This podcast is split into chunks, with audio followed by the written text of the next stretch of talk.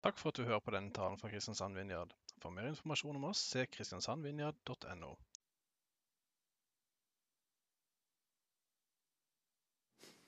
Hvis jeg har noe òg. Fantastisk. God morgen, alle sammen, til Kristiansand Vinjard. Utrolig godt å se hver og en av dere. Um, jeg hadde egentlig ikke planlagt noen veldig spesiell start i dag. Men uh, så mens vi hadde lovsang, så kom der uh, et lite ord fra sidelinja fra noen her. Um, en så veldig følelse på at det var noen her i dag som uh, trengte noe så enkelt som en klem. Så i dag har jeg lyst til at vi skal rett og slett starte litt annerledes. Jeg har lyst til at alle skal reise seg. Og Så finner du en som står nærme deg, og så gir du den personen en god klem. Og Det er lov å klemme flere òg, hvis man kjenner det. Eh, ingen skal ikke få en klem. Det er det aller viktigste. Så hvis det er noen som ikke har fått en klem, så er det veldig viktig at de får en klem.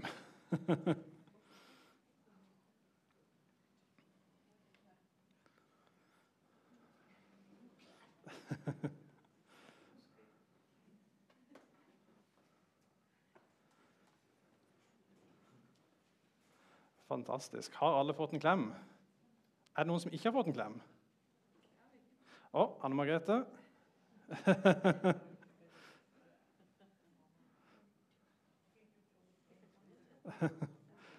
Fantastisk. Da har alle fått en klem. Veldig bra. Bare takke deg, Jesus, for at du er her, for at du er med oss og midt blant oss. For at du gjør fantastiske ting i hver og en av oss i dag. Takk for at vi kan ha forventninger til at du er til stede, og for at du åh, vil gjøre forandring i livene våre i dag. Jeg ber bare om at du leder mine ord i dag, og at du eh, kommer med din kraft. Amen. I dag så skal jeg snakke om Skal vi se her om vi får den opp.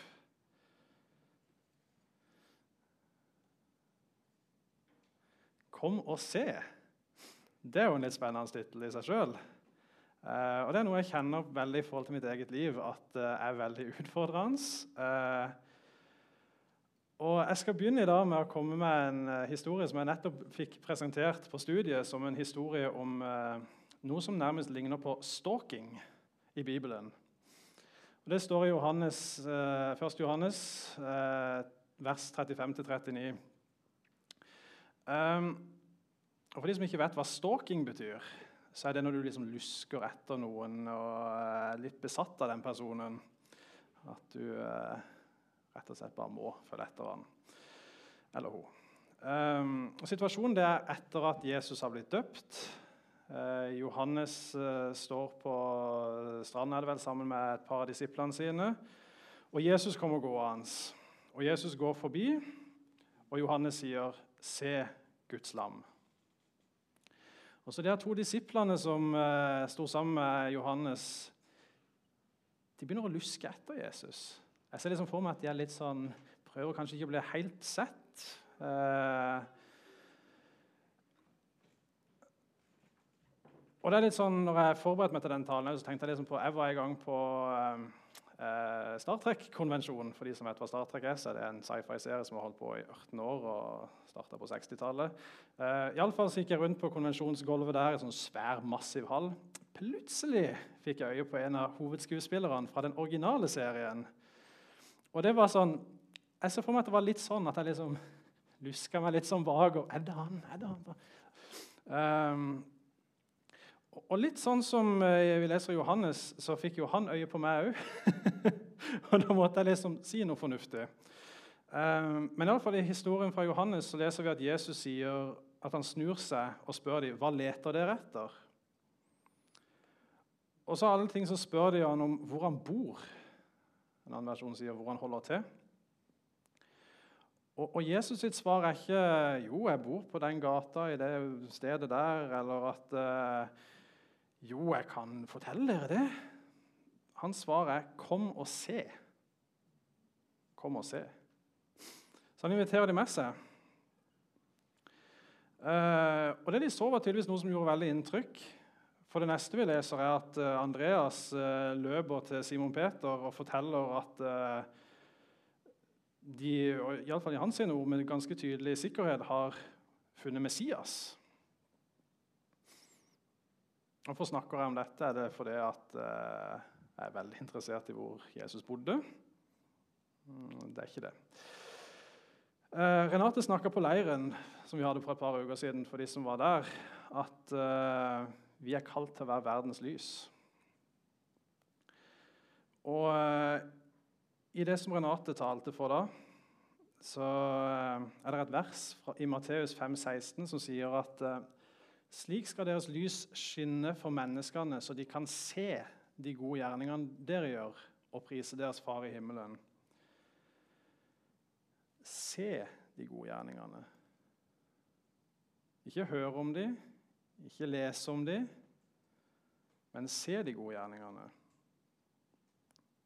Og Hvis vi tenker på influensere som er i eh, landet vårt eller internasjonalt, hvorfor følger folk egentlig de? Jeg tror iallfall ikke det er fordi de er så himla like oss. Det er vel heller fordi de lever et liv som er veldig annerledes enn vårt. Og Vi er litt sånn nysgjerrige på oi, hvordan i all verden er det med de sitt liv. Og litt sånn er det òg med de jeg følger på Facebook eller Instagram. eller hva det måtte være. Jeg ser noe i de som jeg òg har lyst på. Og så lurer jeg litt sånn på For influensere har jo ofte flere tusen følgere. Gjerne enda mer enn det òg. Hvor de som følger, de ønsker et eller annet av det de har inni sitt liv. Hvorfor er det ikke sånn i større grad med kristne? Vi som har både frihet og frelse og løfte om evig liv og fellesskap med universets skaper. Um, når jeg nylig var, hadde møtt Jesus, så gikk jeg veldig på leiding etter de sanne kristne. Jeg visste jo at de sanne kristne måtte finne seg sitt. Jeg var ikke sann kristen, i, alle fall, i min egen verden. for det, Fra den ene dagen til den andre dagen så var det ikke så veldig mye forskjell i livet mitt. Og jeg tenkte liksom at noen som har den forståelsen av det de har fått, må jo leve livet som er helt sinnssykt annerledes enn alle andre. Og Jeg gravde meg ned i alt jeg kunne av bøker, av historier eh, om kristne som hadde gjort ting. Og, En av de første som jeg på en måte nærmest falt over i, eh, Jeg var inne på Bok og Media i byen. Det var første boka til en som heter Matthew Barnett. Ikke noen der har hørt om han? Noen nikker, ja.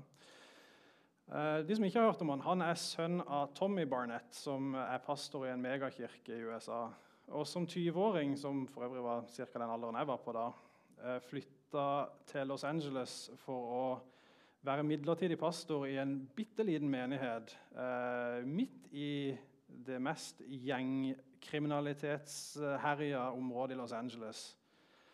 Eh, det var drive-by-skytinger der jevnlig, og folk ble drept der. og Han skulle være der i tre måneder fram til de kunne finne en passende, ordentlig pastor til å ta over. Eh, det var jo selvfølgelig ikke så veldig lett, for det var ikke så veldig mange som hadde lyst på verken en bitte liten menighet eller en menighet akkurat der. Eh, så etter hvert så innså Matthew at han måtte bare være der tenkte han ok, men da skal jeg gjøre dette til en megakirke. Da skal jeg på en måte sette en femårsplan, sier han, og gjøre disse målene for at jeg skal liksom utvide menigheten og få flere til å komme inn. Det som da skjer, er jo det stikk motsatte. Det begynte med rundt 100 folk i menigheten når han tok over den. Neste uke var det 50, så var det 20, så var det 10, så var det 5, og plutselig var det ingen. Uh, og For han så sier han det at jaget etter suksess ble en forbannelse for han. Det gikk utover helsa hans, det gikk utover roen hans, og det var rett og slett utrolig kjipt. Og Så en dag så kjente han han sier det jo at det er det, han, det tydeligste han noensinne har følt Gud tale. Så føler han at Gud sier til han, Die to the dream of being a success and live to the dream of being a blessing. Altså dø i drømmen om å være suksess lev i drømmen om å være en velsignelse. Og Det fikk enorme konsekvenser for livet hans. Han droppa rett og slett planen sin om å bli megakirke. Han flytta pulten sin ut på gata utenfor menigheten og satt der hver morgen når uh, mødrene gikk for å levere barna sine i, uh, på skolen. Og på veldig dårlig spansk prøvde å komme med en buenos dias for å få litt kontakt med dem. Og Så begynte han å prøve med litt matutdeling. Han gikk på lokale matbutikken og kjøpte med seg tre poser med tilfeldig mat som han begynte å dele ut. Uh, og så gikk han rundt til folk som han så, og fortalte at de kunne begynne å drømme igjen. Og Det var noe helt annet, noe helt nytt for dem. Og den åpenbaringa for han betydde alt. Det gjorde at det umulige, det overnaturlige, brøt gjennom. Og det ble vekkelse i nabolaget. Menigheten vokste. Og så kom der eh, et eh, sykehus for salg i Los Angeles. Um, skal jeg bare se at jeg sier riktig. Um, Paramount Studios, et filmstudio som sikkert mange har hørt om, de hadde bydd 16 millioner dollar for dette sykehuset. Jeg har faktisk et bilde av det òg. Ganske stort bygg. Paramount hadde tenkt å gjøre det til et uh, til kulisser for film. Hadde store planer for dette. Uh, Matthew Barnett og menigheten gikk til huseierne og fortalte at de hadde en drøm. Og Det var at de skulle ha ei kirke som var åpen 24 timer i døgnet. De skulle ha rehabilitering for rømte prostituerte, rømte gatebarn, hjemløse, dopavhengige. Og Til sammen hadde de rett rundt 200 planlagte outreach-prosjekter som de skulle gjøre hver eneste dag. Og Huseierne de var utrolig gira på den ideen, så de sa ja, kom med et bud. Og De ba litt, og de kjente på at de skulle by 3,9 millioner dollar for dette. Det er jo rundt 13 millioner mindre enn det Paramount hadde bydd. Huseierne sa 'go for it', dere får det. Det var jo bare ett problem, at de hadde jo ikke ei krone. Um, men så skjedde det jo. Penger ramla inn. Der kom en fyr til dem og sa og det var ganske tidlig, at de kunne få én million av han hvis de flytta et annet sted og ikke gikk inn i det bygget der. Så skulle han gi dem en million for å drive med outreach et annet sted. Men de hadde kjent at Gud hadde kalt dem der, så de takka nei. Og tre millioner havna inn på kontoen på mystisk vis. Folk gikk bort til de og ga dem penger, helt uoppfordra. Um, ehm, og de fikk òg penger til å pusse det opp og I dag så har de 8000 eh, frivillige som jobber. De har hus for eh, rømte prostituerte og en gedigen menighet og ei kirke som er åpen 24-7. Og de er ute i det mørkeste av det mørke, hvor folk bokstavelig talt selger kroppen sin for å få penger til dop i Los Angeles. Og For meg når jeg leste om dette, så var det noe helt annet. Det var det jeg ville ha i livet mitt. Eh, det var jo bare ett veldig stort problem, og det var jo at jeg ikke hadde noe tro på meg sjøl. Og jeg hadde jo enda mindre tro på at Gud kunne eller ville bruke meg til noe. Eh, men for meg så var på en måte Dream Center det var, det var kom og se-kristendom. Det var noe helt praktisk. Og Jeg prøvde liksom å tenke meg fram til hvordan jeg kunne bli Matthew Barnett. Jeg begynte å google steder i Norge som det var gjengkriminalitet. Kunne jeg starte Dream Center et eller annet sted? Det var liksom litt sånn ja, Det var kanskje ikke det store miljøet, og det var kanskje ikke helt være, samme å være eh, dopavhengig i Norge og ikke så mange rømte prostituerte heller. Og etter hvert så forsvant litt hele den tanken og drømmen. Uh, og Jeg hadde egentlig nesten helt glemt hele den der, uh, historien hans og den tida, fram til jeg leste en annen historie i en av pensumsbøkene våre på Ansgar. Um, og Det er en historie om noen, en som heter Wade Watts. Noen som har hørt om han? Ja, du har hørt om han. Fantastisk. Uh, Wade Watts han er en uh, spennende kar.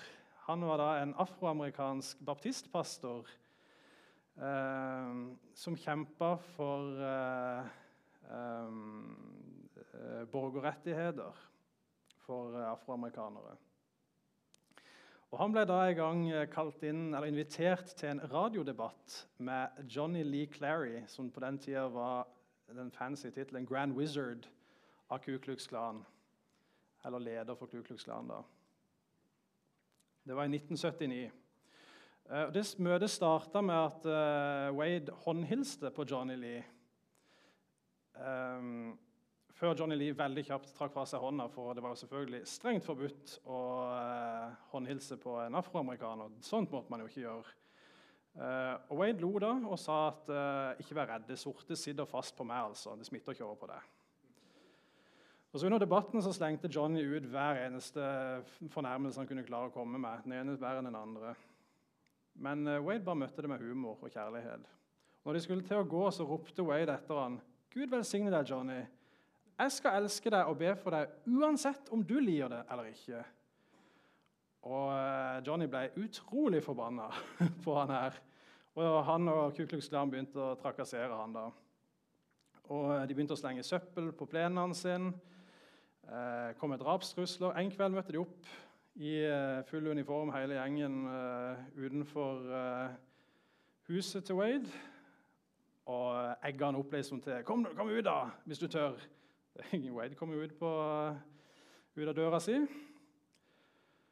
Og med rolig stemme så sier han, 'Gutter, halloween er fortsatt fire måneder unna, så jeg har ikke noe godteri til dere. Kom tilbake igjen i oktober.' Og så gikk han inn igjen. Og Det ble jo selvfølgelig tatt veldig dårlig imot, så det de da gjorde var at de tente på et kors i hagen hans. Wade gikk ut igjen og spurte om de trengte marshmallows og pølser til grillinga. Så møtte de opp på en restaurant hvor Wade satt og spiste kylling, og sa til han, 'Tenk deg godt om nå. Det du gjør med denne kyllingen, skal vi også gjøre med deg.' Og Wade hadde tenkt seg lenge om før han løfter opp kyllingen og gir han et stort kyss. Og hele restauranten brast ut i latter. Det de så gjør, var å tenne fyr på Wade sin kirke.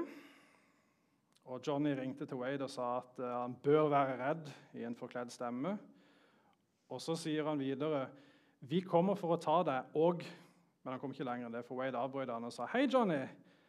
Tenk en mann som deg tar deg tid til å ringe meg. Jeg er så beæra. La meg gjøre noe for deg. Og han ba til Gud om å tilgi Johnny for å ha satt fyr på Herrens hus. Hva tror dere så skjedde?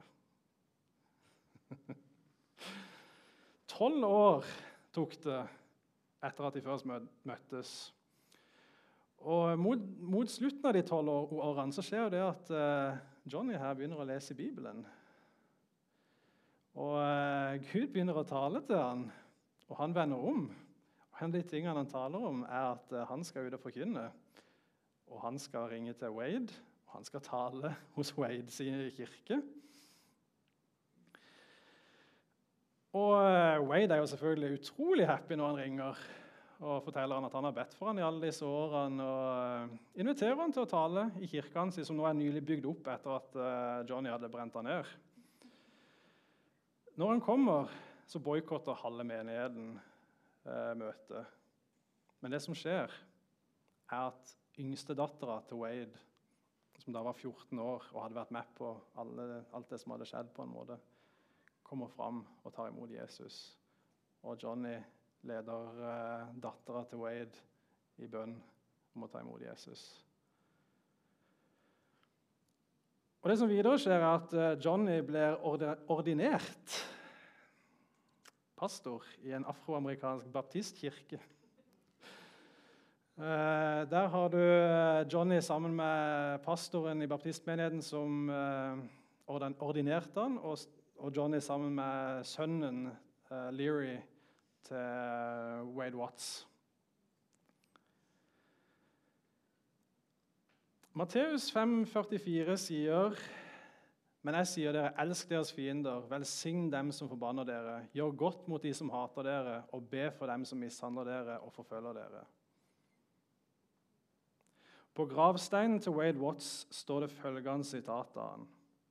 I'd give up silver and gold to have it said that I helped someone. Jeg hadde gitt opp gull og sølv for at det skal bli sagt om meg at jeg har hjulpet noen. Det er kommer å se tro for meg. Det er det verden trenger. Ikke kom og hør og kom og bli oppmuntra. Vi trenger det. Vi trenger masse av det. Men verden trenger å komme og se troa hans. Så hadde vi en fagdag her på Ansgar hvor jeg fikk høre om en ganske artig organisasjon som uformelt ble kalt Nuns and Nuns. Eh, nonner og de som hooker av for at de har none som sin tro. Altså ingen tro. Det som eh, det prosjektet går ut på, da, er at eh, disse som da ikke tror på noe, har flytta inn og blitt romkamerater med nonner. Og Det er en ganske gøyal historie, for det starta med en vennegjeng som hadde vært på en roadtrip. Og De prøvde å finne et samfunn hvor folkene levde med en bevisst mening. Og De holdt på med idémyldring om hvordan de kunne leve radikale aktivistliv Liv dedikert totalt for sin sak. Og forsøkte å finne ut om det var noen som allerede gjorde dette, som de kunne bli del av. Og Så kom de i kontakt med en pastor som svarte at ja, nonner de lever totalt overgitt. Um, og Så bestemte de her seg for at ja, vi skal flytte inn hos nonnene. Og nonnene var litt sånn OK, hvorfor ikke? Fint å prøve. Uh, en av de her uh, som da ikke uh, tror på noe, uh, beskriver nonnene som 'radical, badass women who have their lives devoted to social justice, and we can learn from them'. Altså, De er radikale, beintøffe uh, damer som har dedikert livene sine til sosial rettferdighet, og vi kan lære av dem. Det som er veldig interessant, er at de her uh, unge voksne da, som de er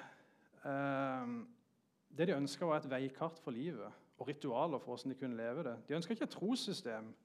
Og En av de første kveldene som de overnatta hos nonnene, forteller ei av søstrene at de unge spurte de om så hva er deres religiøse praksiser. De spurte ikke om hva de trodde på, eller hvorfor de trodde på det, men hvordan de praktiserte troa si. De ville se hvordan de praktiserte, sånn at de kunne prøve det. Og jeg tror at eh, Verden lengter etter noe helt annerledes. Og jeg vet med 100 sikkerhet at ikke jeg lever et virkelig kom og se-liv. Men det er virkelig det livet jeg ønsker for meg sjøl og for familien min og for andre. Og jeg tror det er sånn, at, sånn vi ser forandra liv. Her er det bare noen av de bibelversene med, fra Nytestamentet om hva vi er kalt til å gjøre. Vi skal elske fiender. Vi skal gi til de som tar fra oss. Vi skal låne bort uten å vente noe tilbake. Vi skal gjøre godt. Vi skal ha en kjærlighet som eh, langt overgår alt man kan se for seg. Vi skal oppbygge hverandre.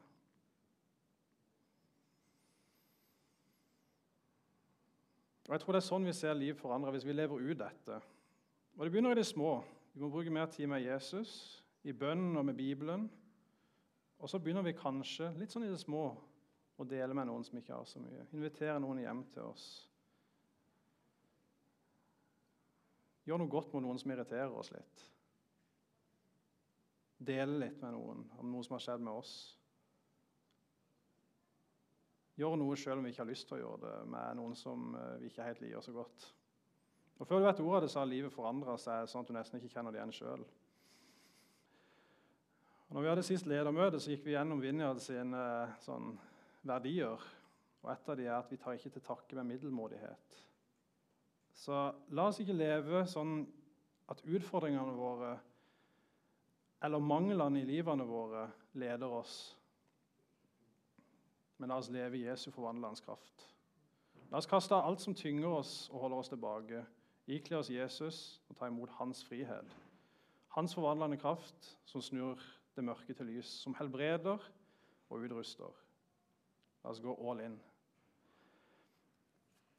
Oppfordringa i dag er hvis du har noe som tynger deg, hvis det er sykdom eller tanker eller bekymring, så kast det på Jesus og bli bedt for etterpå. Og han vil gjøre en forandring i livet ditt. Og Jeg ønsker at jeg lever såpass tett på Jesus og blir så forvandla av hans kjærlighet til andre at folk stalker meg for å finne ut hva som er så annerledes med meg. Vi skal være i verden, ikke av verden. Og Jeg har fått så utrolig mye. Jeg har fått enormt mye helbredelse, nåde, tilgivelse. Jeg har fått lov til å være med og se så mange fantastiske ting med Jesus. Og så tenker jeg litt sånn som på den lignelsen som Jesus gir i forhold til talentene, med de som investerte og skapte mer, og han som gravde ned. Jeg vil investere det jeg har fått. Jeg vil at min, den nåden jeg har fått, skal skape mer nåde i verden. Den friheten jeg har fått, skal skape mer frihet i verden. Og Eksempelet til Wade Watts vi kan elske mennesker selv om de er ordentlig fæle mot oss. Veldig enkelt og veldig vanskelig. Men jeg tror vi lever i en tid hvor vi må begynne å prøve mer. Prøve, feile masse, prøve enda mer, feile enda mer. Prøve, prøve, prøve. Og Det som er sikkert, er at ting sprer seg. Kom og se sprer seg. Eh, videre i Johannes så har jo da eh, Jesus også kalt Philip til å følge ham. Og uh, Philip dro videre til Nataniel og sa til han at vi har funnet ham som Moses har skrevet om i loven, og som også profeten har skrevet om. Det er Jesus fra Nasaret, Josefs sønn. Så spør Nathaniel Nataniel kan det komme noe godt fra Nasaret. Og Philip svarte, kom og se. Han forteller han ikke om uh, hva han har sett eller hva han tror, men han sier 'kom og se'. Kom og se sprer seg, og det kan forandre verden. Jeg kan forandre verden, og du kan forandre verden.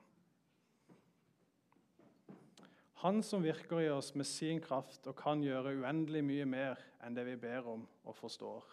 Ham være ære, være ære i Kirken og i Kristus Jesus gjennom alle slekter og evigheter. Amen. Det er sin kraft, det er ikke vår kraft. Og han kan gjøre uendelig mye mer enn det vi ber om og forstår. Det er for oss. Så det eneste spørsmålet er bare vil du? Vil du være med og forandre verden? Alle kan. Det er ingen som er ukvalifisert. For det er ikke vår kraft, det er hans kraft. Nå skal vi ta og gjøre sånn som vi pleier. Vi skal be. Vi skal sette på litt lovsang.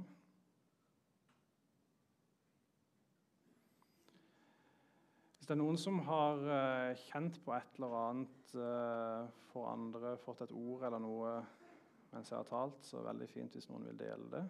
Hvis det er noe spesifikt vi skal be inn i. Nei?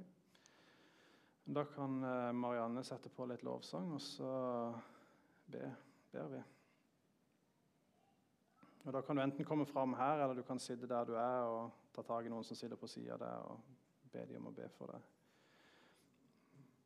Men litt sånn som jeg sa, la oss ikke ta til takke med å leve i ting som tynger og er vanskelig.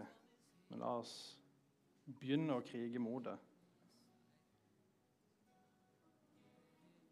For Jesus kan, og Jesus vil. Og han er stor nok.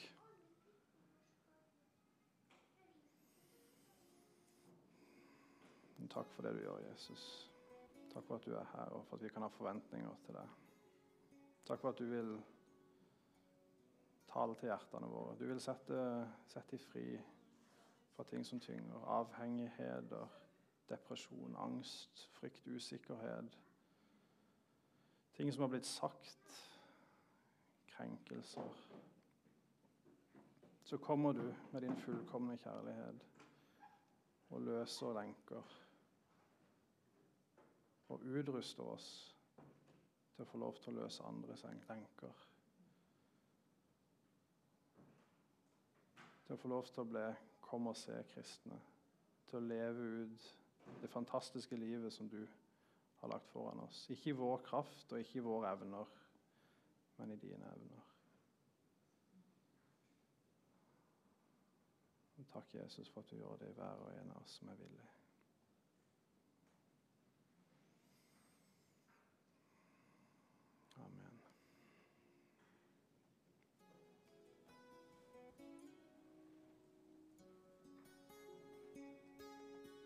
Takk for at du hørte på denne podkasten. Ta gjerne kontakt med oss via vår Facebook-side Kristiansand Vinjard, eller besøk oss på Vågsbygd ringvei 100 i Kristiansand. For mer informasjon om hva vi gjør og hvordan du kan bli involvert, gå inn på kristiansandvinjard.no.